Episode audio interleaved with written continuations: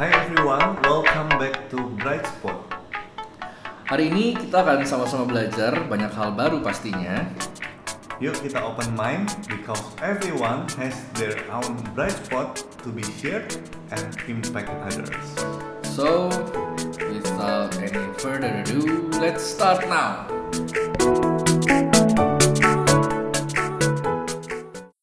Oke, welcome back to our podcast channel. Uh, here we are, Bright Spot. Hari ini kita kedatangan satu bintang tamu. Kali ini bintang tamunya berbeda dengan bintang tamu sebelum-sebelumnya yang rata-rata adalah pria. Hari ini kita kedatangan satu apa seorang wanita cantik, manis, uh, berbakat dan juga suka berbagi di media sosialnya. Ini uh, adalah uh, seorang gue bisa bilang apa ya gue ya gue agak-agak speechless soalnya kita jarang ketemu kedatangan cewek di sini kedatangan seorang wanita itu jarang Kalau gitu, Eh. kalau gitu gua aja yang cerita kayaknya. Perlu gua cerita di Gua- awal. gue gue grogi kalau ketemu wanita soalnya Banyakan main sama anak lu soalnya ya di rumah ya. Oke, kalau gitu gua yang cerita. Karena ini menarik sekali. Gua ini pernah ke satu klinik dokter gigi di Citraland. Kemudian ketemu sama dokter gigi yang ini. Tapi setelah beberapa waktu, gue udah males tuh ke dokter gigi. Sempet, eh, karena kan udah copot kawat dan lain-lain. Tiba-tiba gue ngeliat di Instagram, ada dokter gigi yang kayaknya dulu gue pernah ketemu nih. Nah, setelah itu gue follow Instagramnya dia, dan dia sering sharing banyak hal. Sering sharing banyak hal, dan kebetulan gigi gue eh, perlu ditambal. Akhirnya ke gue ke Oke. dokter gigi Citraland lagi, ke klinik yang di Citraland lagi, di dekat rumah gue, dan ketemulah dengan dokter gigi yang satu ini.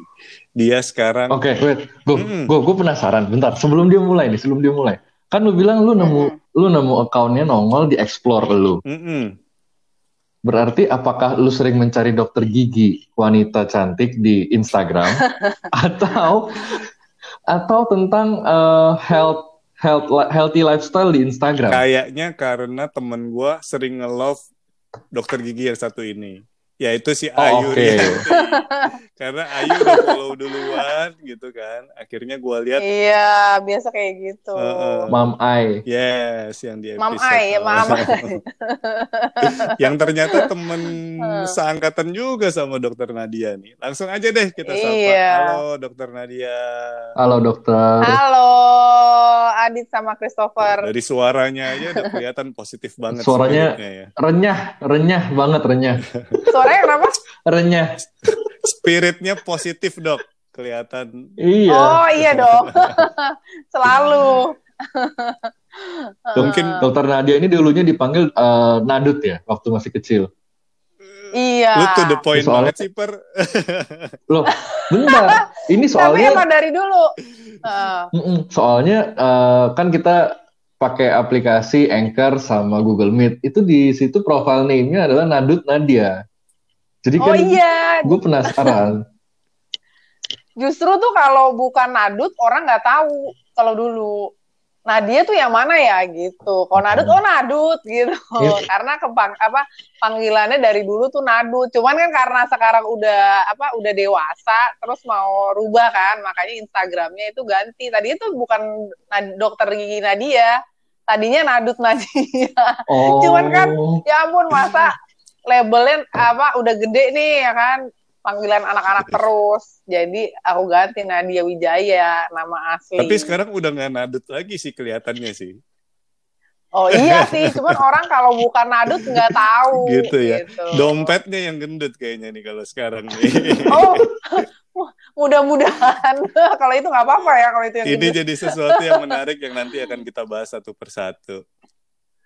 iya Gimana sih ceritanya dok? Bisa dari Mm-mm. dulunya katanya dari kecil sering dipanggil gendut physically sampai sekarang transformasinya begitu wow. Oh, jadi em, dulu itu kan emang aku kan orangnya em, waktu kecil padahal nggak begitu suka makan. Mm-mm. Tapi karena ya namanya orang tua kan pasti harusin anaknya harus banyak makan dong. Ya kan. Nah udah diajarin makan, eh kebanyakan,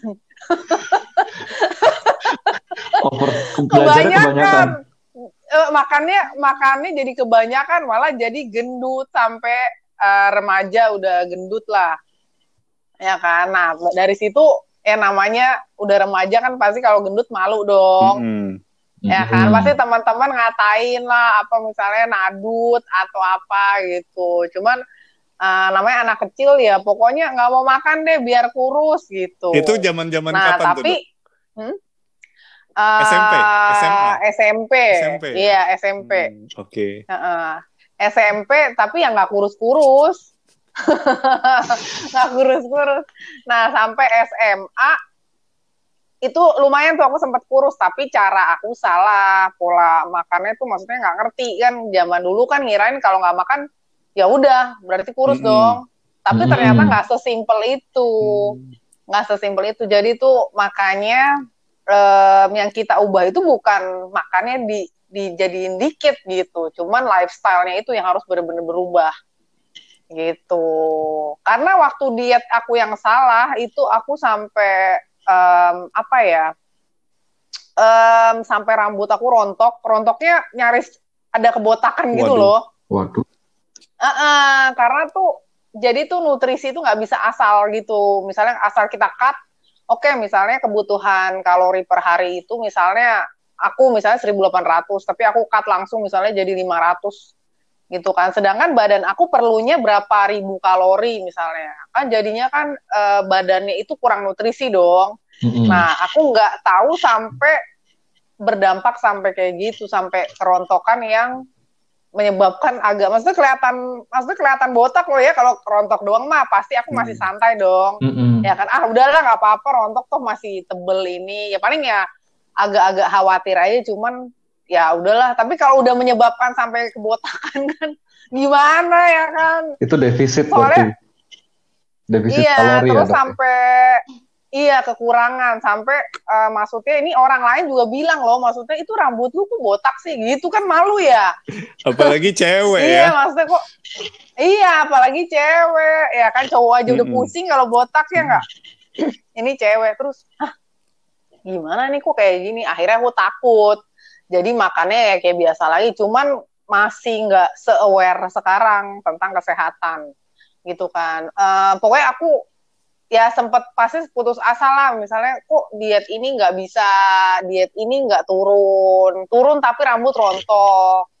Ya kan? Ternyata nggak sesimpel itu loh. Misalnya asal nggak makan kurus selesai. Nggak harus kayak gitu. Jadi harusnya itu em, slim tapi fit juga. Hmm. Iya. tapi itu juga nggak gampang ya. Kalau misalnya mungkin kalau kalian mungkin kayak nggak bisa gemuk punya ya orangnya ya. Kata siapa? Kata siapa? Saya tidak bisa gemuk. Ya Kalau saya kayaknya begitu Kalau ya. Adit kayaknya iya kak. Tapi Adit lumayan nih sekarang maksudnya kayak lebih berisi Pipinya deh. ya dok. Kalau cabut gigi kelihatan. Dulu dia kurus Iya banget, betul. ya kan? Dulu kurus banget. Gue Iya, pertama iya, kali ah. ngeliat si Adit emang ingetnya karakter kartun Vido Dido. Dok, inget nggak? Saya Dia kurus berhasil banget. naik 15 kilo dok. Oh, wah itu nice Kalau banget dokter kan tuh. turun Soalnya 15 kilo nggak, kan. eh. Oh iya ya.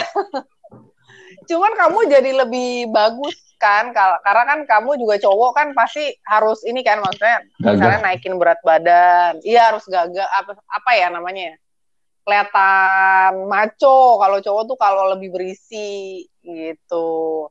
Nah kalau cewek tapi kebalikannya kalau berisi kayak gitu kan. Setelah sempat mencoba berbagai macam cara, pernah frustasi nggak dok?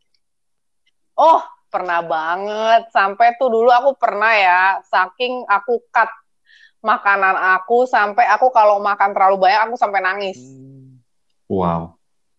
Iya, maksudnya nggak perlu sampai kayak gitu kan. Cuman tuh kayak terobsesi banget, pokoknya harus kurus gitu.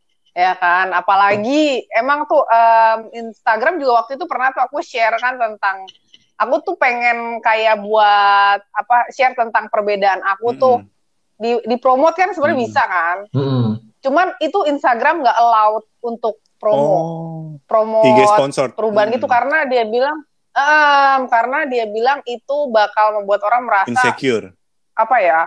Iya, Hmm. itu nggak boleh sama Instagram. Tapi emang bener sih, gemuk itu menurut aku nggak selalu jelek. Cuman yang aku tekanin itu tentang kesehatannya itu loh. Kalau tentang obesitas kan udah pasti itu nggak bagus. Mm-mm. Ya nggak? Berlebihan ya kan? soalnya. Kalau berlebihan dan itu juga udah mengarah ke penyakit-penyakit.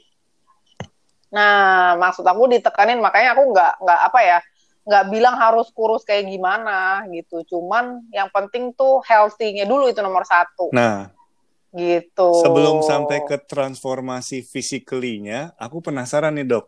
Mm-mm. Eh, dokter kan Hmm. dulu sempat cerita pernah ngalamin frustasi.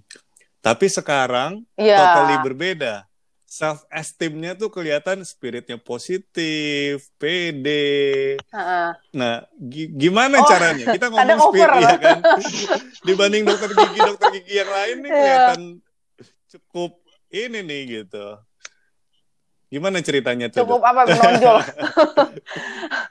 jadi kalau aku itu, nah aku juga ini nih, em, jadi tuh semakin aku dewasa, jadi aku semakin tahu, oh aku tuh mau mengarah ke mana gitu kan. Jadi yang tentang em, yang healthy lifestyle itu, ya kan. Eh, aku benar-benar pengen, maksudnya eh, gaya hidup aku emang benar-benar berubah, bukan sekedar aku lagi diet doang nih udah habis di habis selesai ya udah gitu. Enggak tapi ini aku benar-benar pengen sampai sepanjang aku bisa itu uh, lifestyle aku harus tetap kayak gitu. Menurut aku ya ya maksudnya menurut aku itu sehat Hmm. gitu. Bukan berarti apa tadi em, oh sama yang self esteem itu. Jadi awalnya juga aku nggak berani nih kayak ketemu orang gitu orang baru ngomong gitu. Nah tapi karena kebiasaan kan sering diundang gitu kan. Misalnya kayak ada talk show ada apa eh, di acara-acara misalnya disuruh ngomong akhirnya tuh kayak ini. Jadi kayak awalnya tuh ibarat kata kayak dijorokin gitu loh. Hmm. lu apa pokoknya harus gimana pun harus bisa. Kecemplung lah ya. Ya. kan? Eh, kecemplung lama-lama jadinya udah biasa gitu Eh, tapi emang bener kalau misalnya semakin biasa ngomong jadinya semakin apa ya Makin em, semakin gak grogi ya makin lemes Nah, itu bahasanya iya. mak-mak. kalau kalian berdua gimana Kalau tapi kalian juga berdua pasti pintar ngomong nih pasti Hmm, gimana ya, Go? Kalau Go kan MC. Go juga oh iya ada. dia mah udah pasti ini Ah, namanya udah aja pasti lemes udah MC, Master of Ceremony. Itu di iya sering lagi kan dikagetin dikit dia ngoceh udah kalau si Go. dikagetin dikit ngoceh. iya. Kalau Christopher, Kalau gua eh, kebetulan karena di industri asuransi ya mau nggak mau kan mesti banyak ketemu orang baru juga. Nah, sama tapi dulunya seperti nggak gitu kan? dulunya enggak, dulunya programmer. Ya. Jadi Wah, itu beda banget. banget. Jadi shifting jalurnya pun memang jauh dulu kan ketika kita di dunia programming ya banyak kan ngobrol sama keyboard pakai keyboard ngobrol pakai Iya, bahasa programming bahasa coding Eh, iya.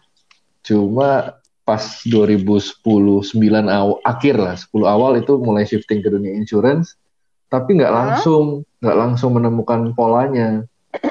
Aku tuh nyari Iya, polanya sekitar empat tahun.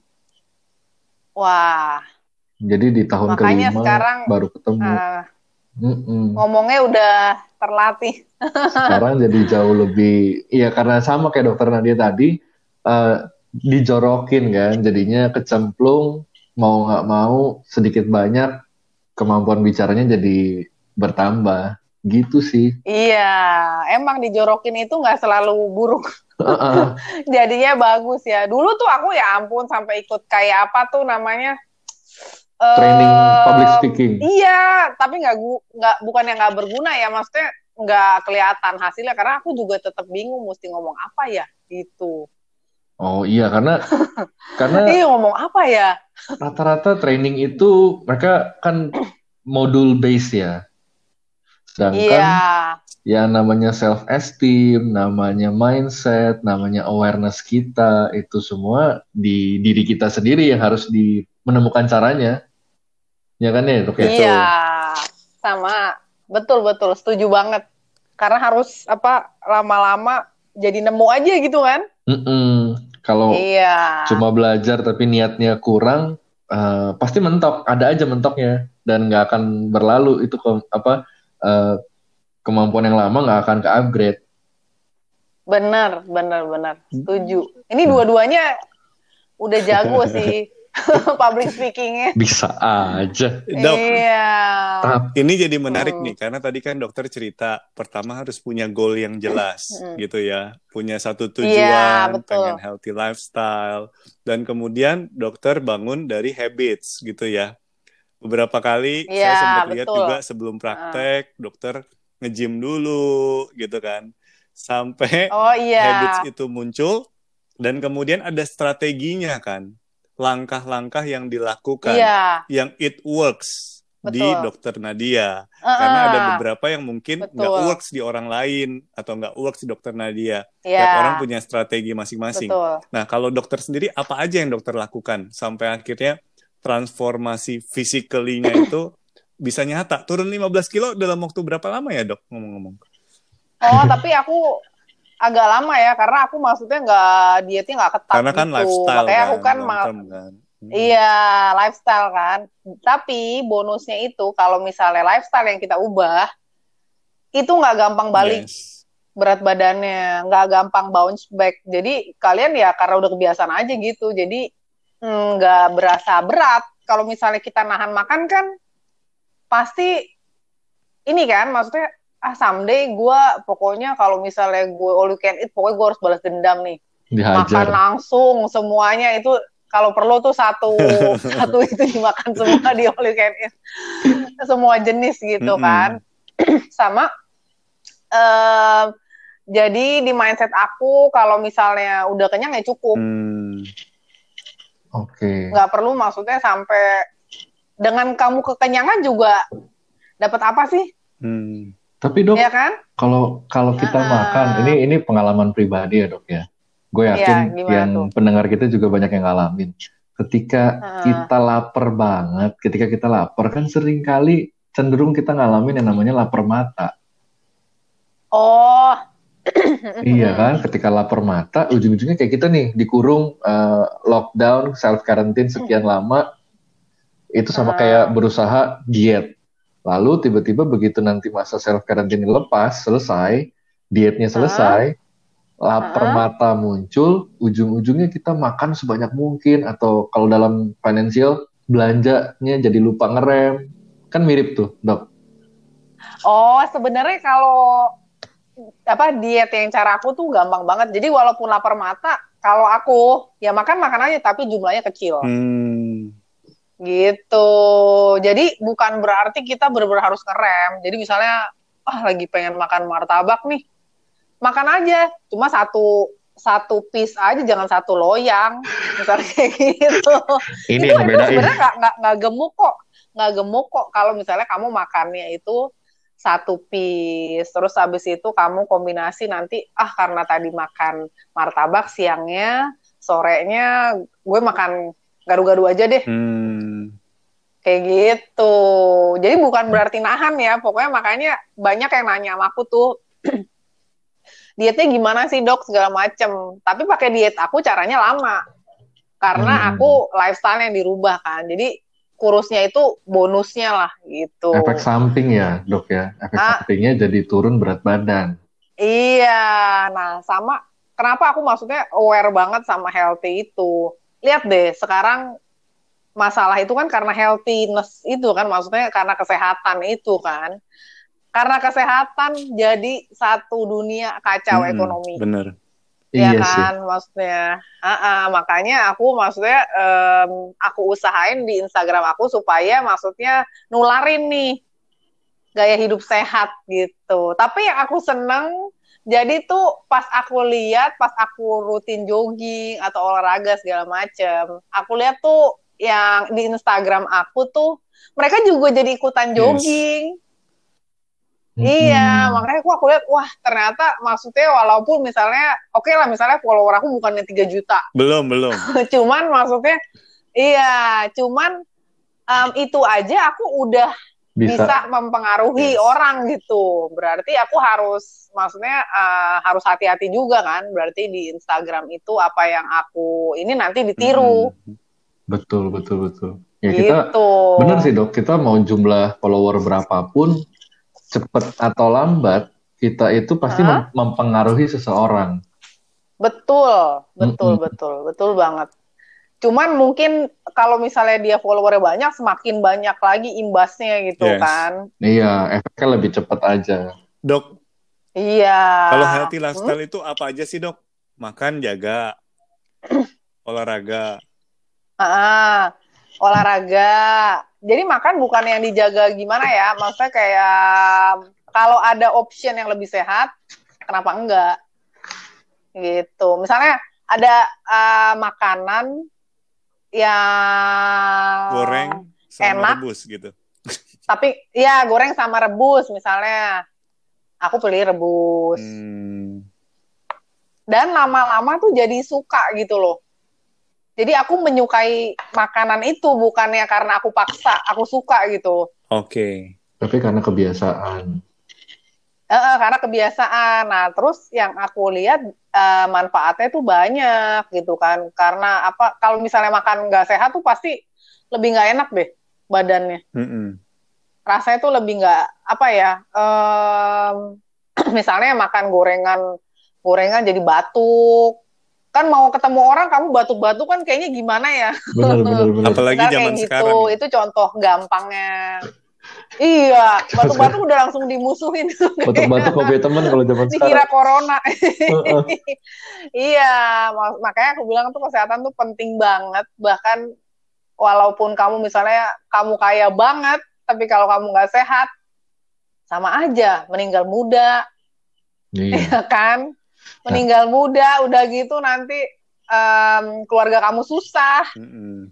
Ya kan, misalnya Bener. gara-gara kamu, misalnya lifestyle kamu kacau deh, misalnya kamu minum-minum terus sampai masuk rumah sakit, misalnya habis habis miliaran. Kalau udah rusak kan, misalnya apa em, organ tubuhnya kayak gitu, yang susah siapa? Anak Hmm. istri, Nah iya sih dok. ya kan? Setuju saya. kayak gitu. Makanya aku em, usahain banget supaya misalnya yang nggak sehat itu ya aku hindarin. Cuman ya kita lebih pilih option aja. Maksudnya opsionalnya kalau ada rebus sama goreng ya pilih rebus. Tapi kalau nggak ada ya goreng nggak apa-apa sesekali. Cuman jumlahnya aja. Misalnya porsinya kecil. Hmm. Oke. Jadi jangan apa, jangan kayak oh karena misalnya lagi di kondangan nih, mumpung di kondangan gue di mulia nih, gue makan semuanya kayak gitu. Ya jangan gitu juga, karena aku lucu deh waktu itu kan aku pernah kondangan di mulia ya, dan itu disediain dia sirloin steak gitu di di Mm-mm. stationnya. Hmm.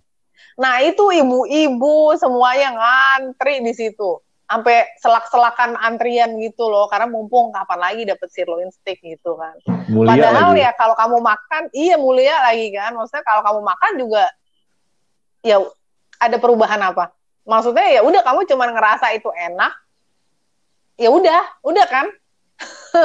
ya kalau misalnya dapat ya udah, maksudnya cobain misalnya kan. Tapi kalau nggak dapat ya udah misalnya. Jadi nggak perlu sampai kadang tuh sampai sikut-sikutan pokoknya gue mau itu gitu loh ibu-ibu sih biasanya maksudnya yang kalau di kondangan ya kan Pengalaman kayaknya. Gitu Lihat di seperti itu ya. Dok, Heeh. tapi Ibu-ibu. tapi gue penasaran, gue penasaran kayak gini nih. Tadi itu cerita cerita tadi semua masuk akal dan gue eh, relate banget. Tetapi Heeh. challenge yang banyak kejadian adalah eh, Heeh. tentang sakit, tentang nanti tua gimana, itu semua kan jangka panjang dan belum Ya. tentu juga kejadian. betul Sedangkan sesuatu yang kelihatannya enak tadi itu di depan mata. Hmm. oh itu makanya mindsetnya yang harus dirubah Gimana caranya dok? Karena dokter kan eh, efek samping dari perubahan habit, eh, perubahan lifestyle yang dokter Nadia alamin adalah efek sampingnya mengalami penurunan berat badan 15 kilo. Iya, betul. Ah, ah. Nah itu mindset seperti apa di awal yang dokter Nadia install di kepala ceritanya begitu? Oh, karena aku mau jadi orang yang maksudnya menghargai diri aku sendiri. Aku mau be the best version of myself gitu. Dengan cara apa? Oh, apa yang Tuhan udah kasih, ya aku jaga dong Hmm. Dengan hidup sehat gitu. Jadi kesadaran itu yang pertama kali ada ya. Ah, ah, pertama-tama karena aku mikir gini ya, sama tujuan hidup. Misalnya um, tujuan hidup ya aku mau jadi orang yang lebih baik setiap harinya. Oke. Ini keren nih Dan Go. itu ah, nggak gampang ya. Maksudnya itu juga aku bertahun-tahun punya pikiran kayak gitu. Maksudnya ini aja udah umur berapa baru sadar gitu mungkin. baru oh baru punya pikiran itu gitu kan. Kalau orang mungkin ada pikirannya eh oke gue pengen punya rumah di sini ini segala macem. Tapi kalau aku ada misalnya aku tuh pengen ya hidup aku itu pokoknya ya itu yang be the best version I can be gitu bukan yang harus oh gue harus kayak artis ini Hmm. enggak Ah-ah. Oke. be the best version itu kan dengan menghargai diri sendiri dengan aku makan sehat itu aku merasa aku menghargai diri aku sendiri gitu Ada yang kalau menghalangi nggak, Dok? sekali sekali nggak apa-apa kenapa Oke, sorry. Kalau misalnya dalam Hmm? perjalanan memulainya tadi, dok, di awal-awal, apakah ada yang memberi halangan tambahan? Contoh, contoh, Heeh, heeh. eh, dalam kasusnya dokter ingin punya lifestyle yang lebih sehat, tetapi ya katakanlah keluarga atau pasangan atau siapa pun di keluarga, eh, eh, tante, oh eh, kakak, yuk makan di restoran X. Mau ma- ada ada paket murah tuh di sana dan itu enak lagi promo dan lain-lain. Yuk kan temen rame-rame. Oh, iya iya iya. Kebetulan aku orangnya ini, jadi aku yang mempengaruhi. Oh, oke. Ah, ah, jadi jadi ini kalau misalnya nih kayak papa mamaku orangnya jadi kayak aku gitu. Mungkin lah dia makannya masih ini masih apa ya? Masih banyak nih. Maksudnya banyaknya em, ya nggak nggak kayak kalorinya harus segini kayak di dia ukurin gitu enggak. Cuman dia itu jadi lama-lama tuh kebawa gitu sama aku. Karena aku bilang pokoknya nasi itu di rumah nggak boleh nasi putih nasi merah. Jadi selalu nasi merah di rumah. Nah, kalau suami aku juga kebetulan orangnya vegetarian dan dia bahkan mungkin lebih apa ya? aware Hmm. kali ya. Dia Hmm, vegetarian juga. Pas. Heeh, dia vegetarian sama jadi dia nggak nggak nggak mempengaruhi juga sih kalau dia. dia sendiri bahkan dia lebih nggak makan daging gitu kan, daging seafood Wow. dia udah nggak. Iya dia nggak makan sama sekali gitu. Dia di rumahnya juga nasi beras merah, ya kan. Em, cuman kalau aku kan batasin asupan gula nih. Mm-mm. Nah, kalau dia mungkin belum sampai segitu. Cuman kalau kayak si siapa? Si ibu saya udah saya maksudnya saya udah pengaruhin. Pokoknya kalau bisa tuh sebisa mungkin nggak perlu gula tambahan gitu. Hmm. Oh. Karena di nasi udah ada gula kok. Betul betul. Kamu tahu Halle Berry kan? Halle Berry. Tahu tahu. Heeh. Nah, Halle Berry bahkan dia ajarin anak-anaknya dari kecil udah nggak konsumsi gula. Oh. What? Jadi nggak ada istilah nggak ada istilah Boba-boba anak-anaknya gitu, boba-boba nggak ada tuh kalau Halle Berry. sugar rush gitu nggak mungkin anak-anaknya berarti ya. Ah, ah, si Halle Berry itu aku baca benar-benar dia ngajarin anaknya untuk maksudnya nggak konsumsi gula. Ya gula mungkin dari buah kayak gitu. Kalau aku masih lifestyle masih masih gampang banget ditiru kok. Cuman kalau yang kayak udah artis luar negeri, nah itu kamu baca-baca deh, itu dia lebih ekstrim lagi. Ini langsung buka akunnya Hellberry. Heeh. Dia dia em, kan makanya yang kayak oh banyak juga yang Iya, vegan kan kalau sekarang artis. vegan sudah jadi lifestyle ya. Vegan, vegan. Iya, Sofia Lacuba. Hmm. Dok, ada satu yang menarik tadi dokter bilang be the best version of yourself gitu kan. Kalau dari sisi physically, Mm-mm. kesehatan, dokter udah kelihatan. Tapi eh, salah satu Mm-mm. yang saya perhatiin itu bukan cuma kesehatan physically-nya juga, tapi kesehatan dompet juga diperhatiin. Alias bisnisnya juga banyak ya kayaknya ya. Ada develop. Boleh kita Oh. nyerempet-nyerempet dikit ya lompat dari kesehatan Boleh, boleh, Eh, boleh. Karena dokter selain Boleh. seorang dokter gigi juga bisa punya bisnis eyelash, klinik juga Klinik, ada, ya. klinik dokter gigi Ah, juga dan juga, juga, eyelash ya ah, kayaknya ah. ya. di kecantikan juga ada. Iya, Itu gimana ah, sih ah. dok ininya? Oh, sebenarnya aku juga selain aku suka healthy lifestyle, aku suka bisnis. Makanya kan aku suka lihat Instagramnya si si Go tuh. Oh, ya kan pokoknya kalau yang tentang bisnis tuh aku sebenarnya suka emang Em, karena ya aku semakin ke sini aku semakin tahu oh aku tuh maunya apa? Aku tuh suka bisnis. Terus aku suka healthy lifestyle gitu. Ya kan? Sama em, tapi di situasi kayak gini emang itu nggak menguntungkan sih. Maksudnya bukan hal yang bisa buat ini kan malah makin pusing sebenarnya. Ya kan? Betul. cuman ya itu kita anggap sebagai ini aja apa challenge ya, ya, em, new tantangan. Challenge. Heeh. Eh, eh, Hmm. challenging banget sih karena ini kan kita harus bertahan maksudnya kita harus mempertahankan bisnis yang ada di situasi yang kayak gini gitu kan ya anggap aja awalnya pasti kan kayak bingung dong pas kayak gini kan awalnya aduh pasti banyak lah yang bingung bukan saya aja nih pasti cuman makin ke sini kan kita maksudnya ada waktu berpikir kan ya udah kita anggap ini sebagai em, kalau teman saya bilang itu Hmm. restart Betul. Ya kan jadi benar-benar sama itu ngaruh loh kalau kamu misalnya berteman sama yang auranya positif kamu jadi Yes. ke bawah ke positif eh banget banget karena aku juga ada komunitas bisnis gitu kan dan mereka orangnya positif semua Hmm. itu jadi kita tuh kayak apa ya kayak ke bawah gitu ya. Karena ngalamin juga gitu yang sulit. iya iya makanya kalau Christopher kan udah punya anak ya Dua. Ya, anak anaknya tuh kalau punya temen dipilih-pilih. Pasti. Dipilihin kalau bisa itu itu ngaruh banget soal pergaulan.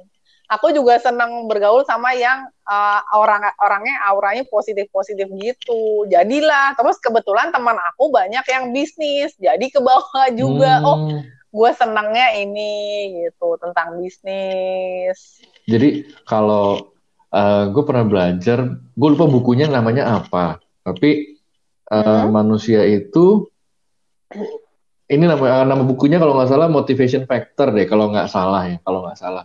Gue lupa Hmm. penulisnya siapa, Mm-mm. cuma dia bilang Mm-mm. ada enam ada enam faktor seseorang bisa termotivasi. Apa aja tuh? Yang pertama tuh eh, personal dari personalnya sendiri. Jadi bayangkan ada Iya. bayangkan ada enam box nih. Satu baris Hmm. itu ada dua box. Baris paling atas Iya. adalah personal. Heeh. Baris yang kedua itu adalah sosial. Wah, betul betul banget. Baris yang ketiga baru eh, structural infrastrukturnya. Baris yang ketiga. Ah. Jadi eh, yang eh, baris yang pertama tadi kan personal. Kolom yang pertama Mm-mm. itu adalah eh, sisi motivation. Sisi, Ya. sisi motivation. Eh, kolom yang kedua lebih ke arah eh, apa ya namanya gue lupa. Kalau nggak salah eh, personal motivation versus personal ah, apa ya gue lupa namanya. Nanti nanti gue coba share deh. Nanti gue share juga di Instagram. Ya, Cuma intinya boleh. Eh, selain selain personal, sosial itu yang paling mempengaruhi karena social motivation Betul. mempengaruhi social pressure lah kalau nggak salah namanya. Itu juga mempengaruhi. Iya. Kita mau kurus, tapi Makanya- sekitar kita Hah? sekitar kita nggak mau kurus susah juga. Iya, itu itu ngaruh banget. Aku juga punya eh, teman yang sekelompok tuh bener-bener mereka tuh sangat Hmm. suka olahraga. Itu bahkan mereka tuh udah umurnya udah kayak 40 ke atas tapi masih yang kayak hot mami, hot, hot Hmm. mami gitu loh. Wow. Gimana nggak termotivasi? iya, makanya kok ini udah umur berapa? Udah mau 50 tapi masih cakep gitu. Termotivasi juga kan jadinya. Sama makanya tuh sosial tuh ngaruh banget. Wah, makanya Christopher tuh kalau bisa tuh teman-temannya tuh harus kenal semua sama kamu. Benar, benar, benar, benar.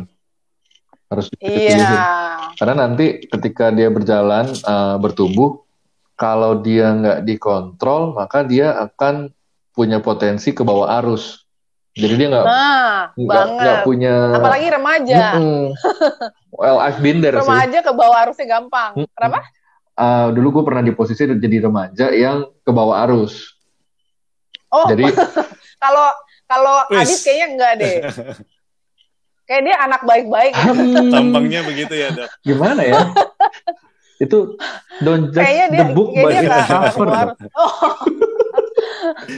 Nggak seneng aja lu, Per. eh, cuman ke bawah.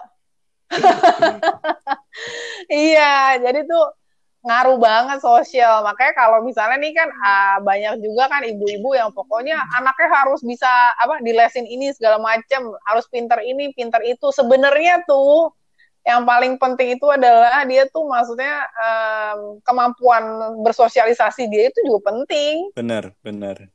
Benar ya banget. kan? Betul. ngaruh. Jadi walaupun dia pinter di sekolah misalnya, tapi dia nggak bisa bersosialisasi, itu menurut aku Mm-mm. susah juga. Dok, sosial itu kan jadi selalu salah satu faktor penting nih. Tapi sekarang kita lagi social distancing nih kan. Jiwa ekstrovertnya meronta-ronta gitu. Iya ya. Iya, Introvert. kamu ekstrovert Kalau ya? aku Kalau introvert. saya sih ekstrovert Tapi banget. ada kamu ada ekstrovert sedikit ya? lah ekstrovert gitu. Kalau Christopher tuh ekstrovert tuh. Kan dari Oh, namanya sama kayak dari namanya udah kedengeran kan Christopher extrovert Christopher extrovert kan mirip Gimana? Iya, kalau saya juga ekstrovert Gimana dok banget. supaya tetap waras di tengah kondisi seperti ini? Kasih tips dong. Oh, iya. Nadia. Itu tuh. Kal- kalau introvert kan kalau di saya yakin kalau introvert di karantina dia mungkin lebih biasa terlalu aja. ya. Ya kan? Iya, terus orang dia biasanya juga dia tuh suka ketenangan, suka hening gitu. Mungkin dia ya paling eh, ya nggak seberat kayak ekstrovert. Kayak saya kan mesti kayak ngomong sama orang apa segala macam. Kalau menurut saya sih ya itu dari ini nih misalnya dari kayak gini nih podcast. Terus abis itu kalau saya sih teman saya banyak yang Iya. ngajakin live tuh Heeh, heeh. ya kan terus dengan aktif di sosial media juga tuh banyak tuh yang nanya yang Hmm. tanya jawab maksudnya jadi nggak nggak mati-mati banget benar. gitu Sekarang teknologi udah sangat mendukung ya. Iya coba kamu bayangin kalau misalnya lagi kayak gini tapi nggak ada Nggak ada wifi. nggak ada internet. Wah. gimana ekstrovert tuh? Kondisinya lagi begini. Ekstrovert gimana? Eh, tapi nggak ada internet. uh-uh, belum handphonenya ada internet. handphonenya masih zaman Nokia. Iya gimana tuh? Matang dah. Kebayang nggak? Jadi kita harus banyak bersyukur ya. Iya kan? Iya, sebenarnya kalau dilihat dari sisi positifnya ya sebenarnya kita banyak kelebihannya juga. Maksudnya bukan yang di zaman perang dulu. Itu yang Spanish flu itu kan zaman tahun berapa tuh Spanish flu? Iya. Tahu 80-an. kan? iya ya, itu itu itu puluhan tak puluhan tahun lalu iya Wah, itu itu nggak kebayang sih itu gimana. Iya, makanya. Iya, makanya Ya, di sosial media sih kalau menurut saya kalau untuk para ekstrovert tuh sosial media itu ngebantu banget. Sama ya paling itu eh, harus tetap aktif Hmm. ya. nah kalau ngomong-ngomong tentang aktif nih gue punya dua pertanyaan Hmm. sebenarnya terlintas Apa tuh? gara-gara tadi kan kita sering ngobrolin bahwa dokter Nadia mengalami penurunan berat badan 15 kilo Mm-mm. itu dalam berapa tahun? Apakah 15 kilo itu dalam 15 tahun? Misalnya. Enggak. Tapi lumayan lama kalau buat orang yang apa em, kalau yang kayak Hollywood Hollywood gitu mereka kan lebih cepet tuh. Hmm. ya kan? Um, aku hampir Oh, setahun. cepet Hampir dong. setahun. Lah. Cepet itu. Itu ada pakai Cuman banyak yang lebih cepet lagi. Kenapa? itu ada pakai uh, gym atau personal trainer atau Enggak, enggak pakai personal trainer. jadi bener-bener sendiri uh, mandiri otodidak. Iya, dari baca-baca, terus dari apa? eh, nah, sama aku suka follow Instagram yang follow-nya yang fit girls gitu loh. Oh, oke.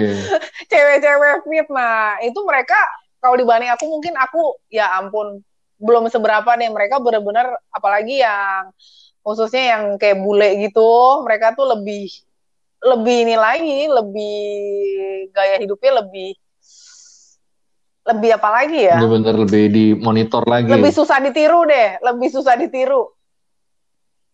Oke. Dan ini Cuman Mm-mm. ah, lanjut lanjut dok apa apa? gimana? Oh, cuman kalau misalnya waktu itu pernah dikasih tahu tuh ada personal trainer di seleb, tapi aku nggak pakai jasa dia sih. Dia bilang kalau misalnya badannya udah oke, pasti kalau mau makan tuh mikir. Dia bilang gitu. Oh. Iya iya iya, Resultnya iya. udah Karena ya kelihatan. karena Mhm. Sayang, sayang. gitu. Mm-mm. Heeh. Benar-benar. Ini gue sambil ngeliatin Instagramnya dokter Nadia di postingan yang terakhir Heeh. Itu Heeh. postingan eh, dokter Nadia waktu masih umur 10 tahun berarti kurang lebih Ya, lupa juga sih itu umur 20 berapa. tahun 20 tahun yang lalu saat dipanggil. Nadut. Wow, oke. Mm-mm. Ini ini ini gue kebayang sih. Di sini di sini tulis bagaimana cara memotivasi diri sendiri dengan makan sehat. Aku menghargai Ah. diri aku sendiri. Itu yang pertama. Yang kedua, Mm-mm. saat kita makan sehat, beraktivitas menjadi terasa lebih mudah. Dan yang ketiga, bonusnya, bonusnya adalah awet muda dan fit.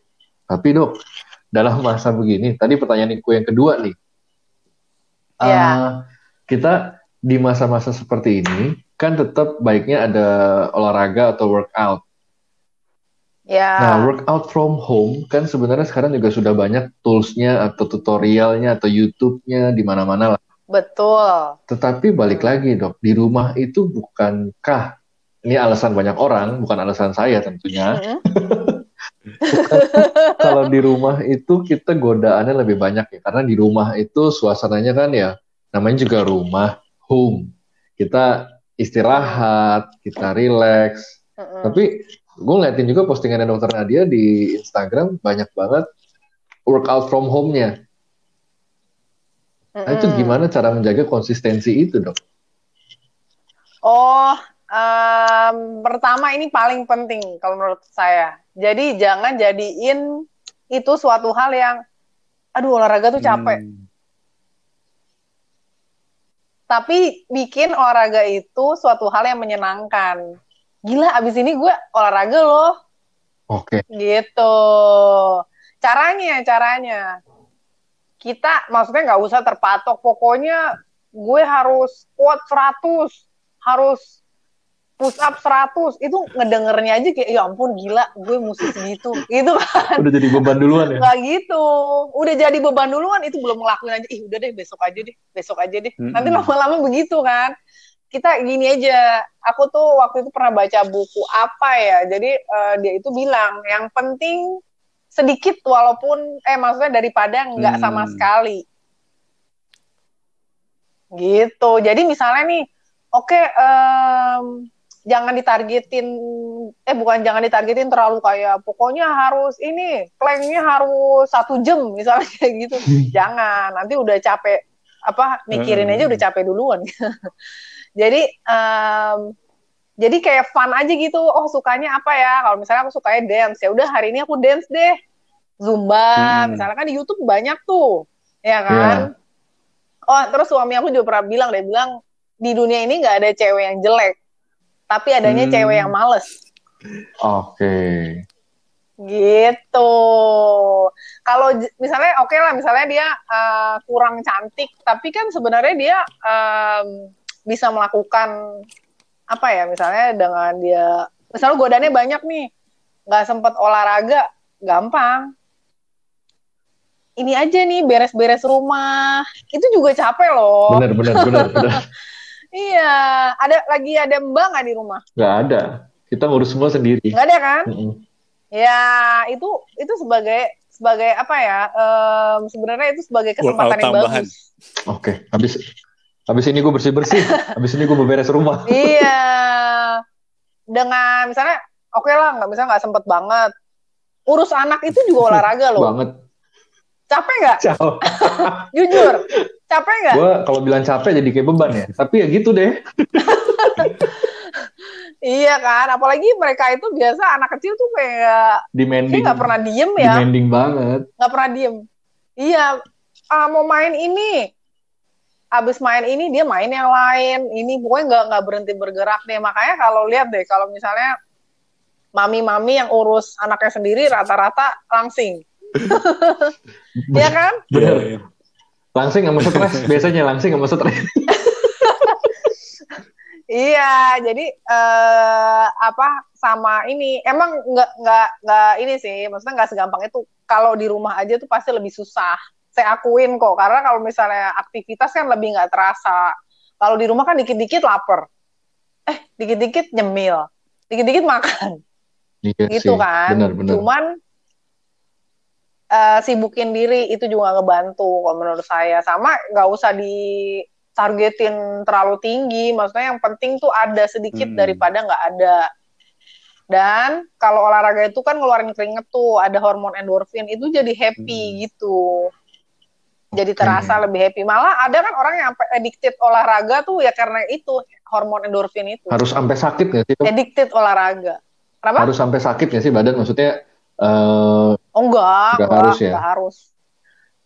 Eh, ini eh, dulu tuh ada salah satu teman saya dokter, jadi dia itu diet, dia bahkan nggak olahraga yang kayak gimana, tapi dia jalan ke rumah sakit tempat dia Wow. kerja, jalan aja, Heeh, turun 10 kilo, jalan itu sangat-sangat bermanfaat, makanya waktu saya ke Jepang tuh saya jarang lihat orang gendut, jarang banget, paling cuma dua kali selama saya di situ. Iya. Karena ya orangnya semua Karena dia jalannya terus. jalan. Iya, jalan terus. Bahkan tuh di Jepang tuh saya lihat udah dorong stroller baby, gendong juga anak di di kayak apa di kayak Nah, digendong di itu loh kayak ransel gitu. Iya. Dan dia masih pindahin itu ke MRT lagi. Bayangin dong effort dia. Ya kan? bener. Di kita berarti banyak yang manja ya. Di kita itu di negara oh, kita. iya. Oh, di kita ah baby apa anak satu babysitter satu. Bener-bener. Iya kan? Anak dua Anak babysitternya babysitter dua. dua. ya.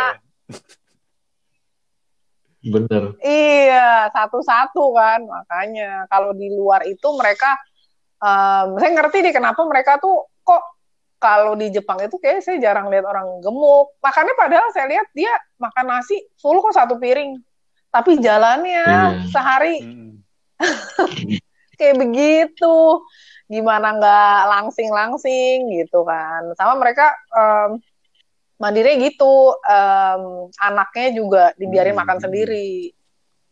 Jadi ini semua ternyata berpengaruhnya ke topik favorit Mm-mm. gua, Go. Ini ujung-ujungnya eh, mindset lagi ya. Iya, benar. Mindset itu yang pertama harus dirubah. Semua berawal dari mindset. Kalau mindsetnya udah ke setting satu state, satu satu satu apa namanya, satu aturan, maka ke depannya rangkaian kegiatannya, rangkaian activity-nya dia dalam hal workout akan ke Yes. semua.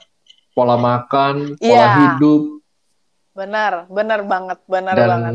Mindset Uh-uh. itu makanya bahaya mindset itu. iya. Nah, kan ada yang bilang kan, maksudnya musuh yang paling Pemikiran berat itu diri ya sendiri, betul. diri sendiri. Heeh. setiap hari itu harus hadapin diri sendiri.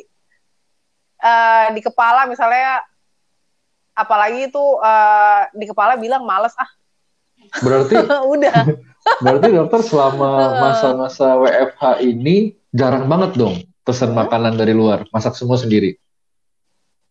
Oh enggak, Tetap ada. kalau ma- masih ada pesan juga, cuman nggak sering. Boba-boba gitu, minuman-minuman. Oh, saya jarang. Oh, berarti emang dari sananya, emang emang udah Heeh. benar-benar udah keatur dari mindsetnya. kalau boba itu sebenarnya kalau sekali-sekali nggak apa-apa. Cuman kalau misalnya sering, kalau menurut saya itu kandungan gulanya tinggi. Iya, bener. Eh, sama anak-anak bayi, eh anak-anak bayi, anak-anak kecil juga kan suka dikasih susu formula tuh sampai gemuk. Hmm. Bener. Iya menurut saya kalau bisa ya ma- dari makanan aja gitu susu formula misalnya jangan terlalu banyak. Ah, Saya pernah ketemu anak kecil di mall itu gemuk banget. Saya bilang makan minum susu doang. susu formula sampai gemuk begitu. Ya ampun. Itu sih parah. Kalau kalau gue sih anak saat Iya. ini udah yang yang gede ya, yang gede itu kan usianya enam lima setengah tahun, eh lima hampir enam tahun lah, hampir Hmm. enam tahun. Itu eh, susu formula udah dikurangin ab, dikurangin banget, dikurangin banget. Eh, dan lately banyak kan dikasihnya susu UHT aja. Nah, Udah. ya better susu UHT. Mm-mm. Soalnya kalau itu tinggi gulanya, menurut saya susu formula itu. Makanya apa? em, kan ada yang kalau misalnya yang orang yang kurang paham dia bilang ini ah susu doang mana bikin gemuk sih salah banget. Tapi tapi aku pernah baca di mana ya fitness Mhm. di IG-nya siapa gitu, fitness chef atau siapa. Mm-mm.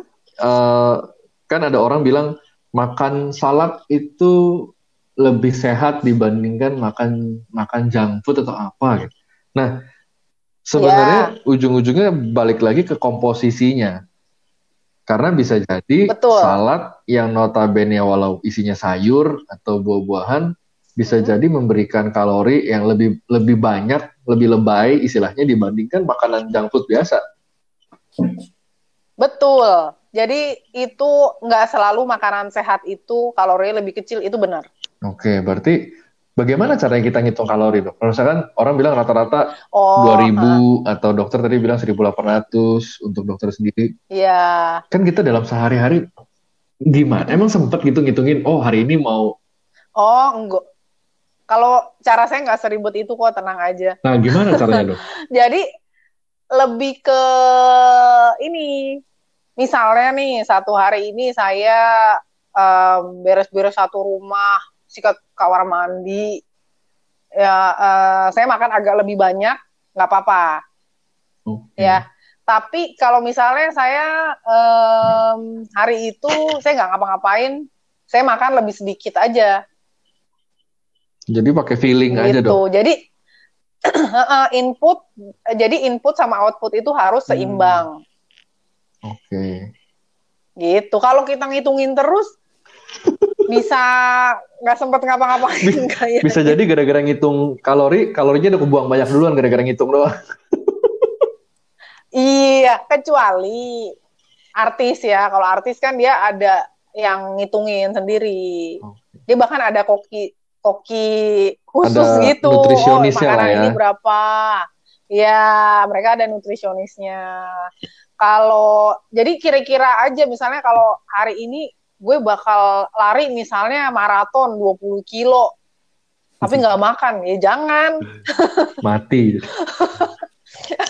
Iya, jadi sesuai pekerjaan yang eh, kamu hari itu mau ngapain nih, misalnya. Kalau hari ini saya ah nggak gitu berat kerjaan, ya udah makan seperlunya, misalnya. Tapi harus makan ya kalau saya ya. Jadi nggak boleh nggak makan karena semakin kamu eh, apa ya eh, dietnya salah itu, metabolisme kamu rusak. Oke. misalnya paksain deh pokoknya sehari aku cuman makan satu apel nggak boleh lebih ya kan jadinya Hmm. nanti anoreksia lah bulimia itu jangan kita kan maunya fit nah jadi ngurangin kalori pun nggak boleh terlalu drastis. Hmm. dikit-dikit misalnya dari satu piring jadi setengah piring makannya. Dari setengah piring misalnya jadi seperempat. Udah banyakin sayurnya. Terus apa kalau bisa misalnya direbus atau di grill option maksudnya optional sih itu kalau lagi pengen goreng nggak apa-apa sih. Cuman porsinya jangan terlalu banyak. Jadi tuh kita pengurangannya lebih step by step. Jangan langsung Drastis. gue cut. Pokoknya gue gue makan apel aja nggak mau tahu gue pokoknya harus kurus gitu kan nanti nih pas makan banyak dikit all you can eat langsung naik Karena Iya. metabolismenya udah kacau. Oke. Perutnya jadi kayak tempat kapasitasnya sebenarnya kayak dipaksain tapi sebenarnya belum mengecil banget. Jadi dia masih demanding untuk minta Iya. mak- asupan lebih banyak lagi ya dok ya. Oh bukan, jadi kayak gini, misalnya nih, gampangnya nih kalau cowok pasti ngerti. Misalnya, saya punya mobil. Mobilnya itu 2000 cc. Oke. Perlu bensinnya misalnya sekian liter kan. Mm-mm. Anggaplah 10 liter lah, ya kan. Nah, tapi saya kurangin, pokoknya jadi satu liter. Ya, Kak. Eh, apa, eh dari 10 liter itu saya Mm-mm. kurangin langsung ke satu liter. Jadi dia cc-nya itu kemampuan dia untuk Iya. membakar itu jadi berkurang kan. Mm-mm. Jadi misalnya jadi 1200 cc doang nih misalnya. Mm-mm. Pas kamu masukin dia 10 liter lagi, dia kemampuannya tetap 1200 cc. Jadi Hmm. jadi lemak Hmm. Oke. gitu. Jadi yang kita harus uh, perbaiki itu pembakaran Hmm, tubuh hmm, kita hmm. Hmm. Pembakaran. dengan uh, dengan uh, ototnya itu kita latih. Misalnya activate our mus- muscle-nya itu. Jadi kalau misalnya muscle-nya itu teractivate, jadi walaupun kamu tidur Iya. aja tuh dia nggak bakar. Benar-benar pernah dengar tuh seperti itu. Iya. Jadi walaupun kamu lagi tidur, kamu lagi diem aja Apalagi tuh dia workout ya. ngebakar terus gitu. Orang-orang Makanya kan ada orang workout. yang Iya. Rutin workout itu ya nggak perlu kamu misalnya pokoknya gue harus tiap hari. Enggak. Hmm. Misalnya seminggu tiga kali atau seminggu misalnya ah lagi rajin nih seminggu empat kali nggak apa-apa terus kita bawa itu fun aja. Kalau pokoknya kalau ikutin diet saya gampang deh. Soalnya saya dietnya juga bukan yang eh, kayak Hmm. artis Hollywood gitu. Masih bisa diikutin lah. Jadi yang harus kita latih itu kemampuan pembakaran Iya, kita. gitu. Jadi dengan kamu makan sedikit CC-nya itu jadi makin kecil kemampuan membakarnya itu jadi kecil pas dia dikasih eh, beban maksudnya beban kalori yang banyak Mm-mm. dia malah jadi lemak jadi makanya kok yang orang diet ketat kok malah jadi lebih gampang gemuk Iya, kayak iya. gitu Seru ya ternyata ngomongin healthy lifestyle Iya. itu inline connect sama hampir semua aspek kehidupan kita nih. Nggak nggak berasa. Nggak berasa. iya benar karena dari healthy lifestyle itu Betul. jadi ke mana-mana maksudnya em, healthy lifestyle itu pasti kebiasaan kamu jadi lebih baik dong Benar. dibanding sebelumnya benar nggak Mm-mm. ya kan dan itu akan kebawa ke pekerjaan terus apa Hmm. goals kamu jadi ke sehari-hari jadi eh, pokoknya gue harus produktif nih misalnya hari ini karena tuh nanti kamu makin lama kamu ngerasa duh sayang ya gue buang waktu dua minggu dengan nggak Hmm, ngapa-ngapain hmm, hmm. misalnya gitu jadi kamu nggak akan ngerasa sayang sendiri gitu Bener. karena kamu terbiasa hidup dengan uh, lifestyle yang baru misalnya Nggak berasa gitu. kita ngobrol-ngobrol sampai tadi alarmnya bunyi ya dok ya. Mm-mm. Thank you banget ya. Iya. meluangin waktu di tengah kesibukannya di rumah Oke. beberes dan segudang kegiatan lainnya. Workout. Pasti malah makin Iya. sibuk nih di rumah. Iya benar. Kayaknya saya Tetap. walaupun di karantina tapi tetap banyak Oke, kerjaan. gua rasa gitu aja ya Per ya Uh-uh. untuk episode yang kali ini. Eh, uh, uh, Oke. Untuk narasumber hari ini, Dokter Nadia, Instagramnya itu bisa di follow di apa tuh? DRG underscore Nadia. November Alpha Delta India Alpha DRG underscore Nadia. Ya. Nanti bisa dapat juga otomatis langsung eh, tips and trick dari Hah? healthy lifestyle-nya Dokter Nadia. Thank you, Oke, thank you. thank you ya. See you. Semuanya. Thank you Dokter Nadia, thank you Yo. Ko. Uh-uh.